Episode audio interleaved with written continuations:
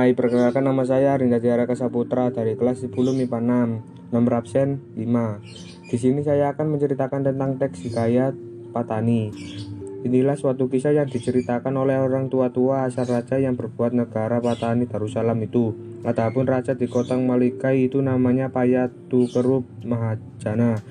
Maka Payatu Kerub Mahajana pun beranak seorang laki-laki, maka dinamai anak kanda Baginda itu Payatu Antara hatta berapa lamayana maka paya tukerup mahajana pun matilah.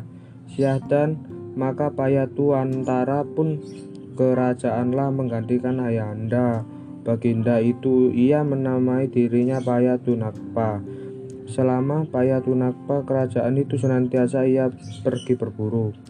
Pada suatu hari paya tunakpa pun duduk di atas takhta kerajaannya dihadap oleh segala menteri pegawai hulu balang dan rakyat sekalian. Arkian maka titah baginda, aku dengar kabarnya perburuan sebelah tepi laut itu terlalu banyak konon.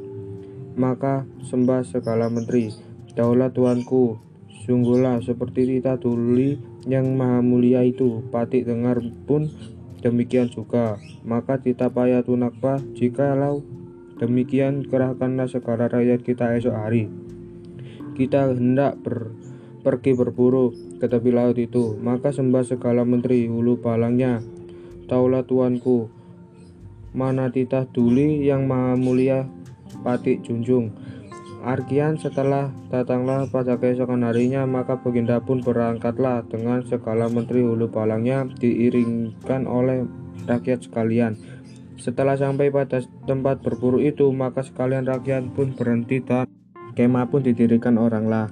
Maka baginda pun turunlah dari atas gajahnya semayam di dalam kemah dihadap oleh segala menteri hulu balang rakyat sekalian. Maka baginda pun menitahkan orang pergi melihat bekas rusa itu. Atas setelah orang itu datang menghadap baginda maka sembahnya, Taulah tuanku, pada hutan sebelah tepi laut ini terlalu banyak bekasnya, maka titah baginda. Baiklah, esok pagi-pagi kita berburu. Maka setelah keesokan harinya, maka jaring dan jerat pun ditahan oranglah. Maka segala rakyat pun masukkan ke dalam hutan itu mengalan-alan segala perburuan itu dari pagi-pagi hingga datang mengelincir matahari. Seorang perburuan tiada diperoleh, maka baginda pun amat heranlah serta menitahkan menyuruh melepaskan anjing perburuan baginda sendiri itu. Maka anjing itu pun dilepaskan oranglah Hatta dan sekira dua jam lamanya maka persembunyian suara anjing itu menyala. Maka Baginda pun segera mendapatkan suara anjing itu. Setelah Baginda datang kepada suatu serokan tasik itu, maka Baginda pun bertemulah dengan segala orang yang menurut anjing itu. Maka tita Baginda, apa yang disalah oleh anjing itu? Maka sembah mereka sekalian itu. Taulah tuanku, Pati mohonkan ampun dan karunia. Ada seorang pelandu putih dan besarnya seperti kambing.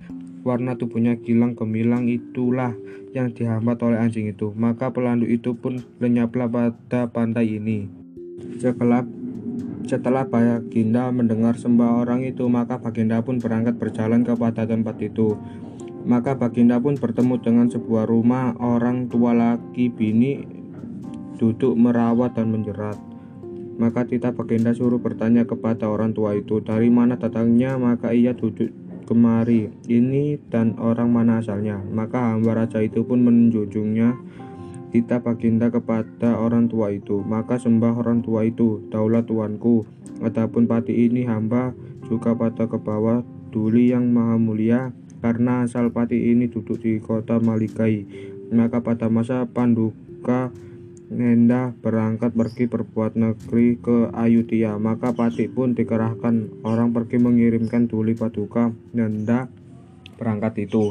Setelah Paduka Nenda sampai kepada tempat ini, maka Patik pun kedatangan penyakit, maka Patik pun ditinggalkan oranglah pada tempat ini. Maka titah Baginda, apa nama engkau?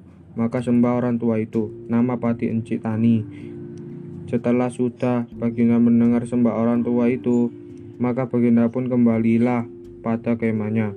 Dan pada malam itu Baginda pun berbicara dengan segala menteri hulu balangnya hendak berbuat negeri pada tempat pelanduk putih itu. Setelah keesokan harinya, maka segala menteri Hulu Balang pun menyuruh orang mudik ke kota Malikai dan kelancang mengerahkan segala kayak hilir berbuat negeri itu. Setelah sudah segala menteri Hulu Balang dititahkan oleh Baginda masing-masing dengan ketumbukannya, maka Baginda pun berangkat kembali ke kota Malikai. Hatta antara dua bulan lamanya, maka negeri itu pun sudahlah.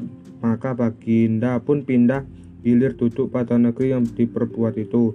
Dan negeri itu pun dinamakannya Patani Darussalam, negeri yang sejahtera. Arkian pangkalan yang di tempat pelandu putih lenyap itu dan pangkalannya itu pada pintu gajah ke hulu jembatan keti itulah dan pangkalan itulah tempat Encik Tani naik turun merawat dan menjerat itu. Syah dan kebanyakan kata orang nama negeri itu mengikut nama orang yang merawat itulah. Bahwa sesungguhnya nama negeri itu pengikut sembah orang mengatakan pelanduk lenyap itu. Demikianlah hikayat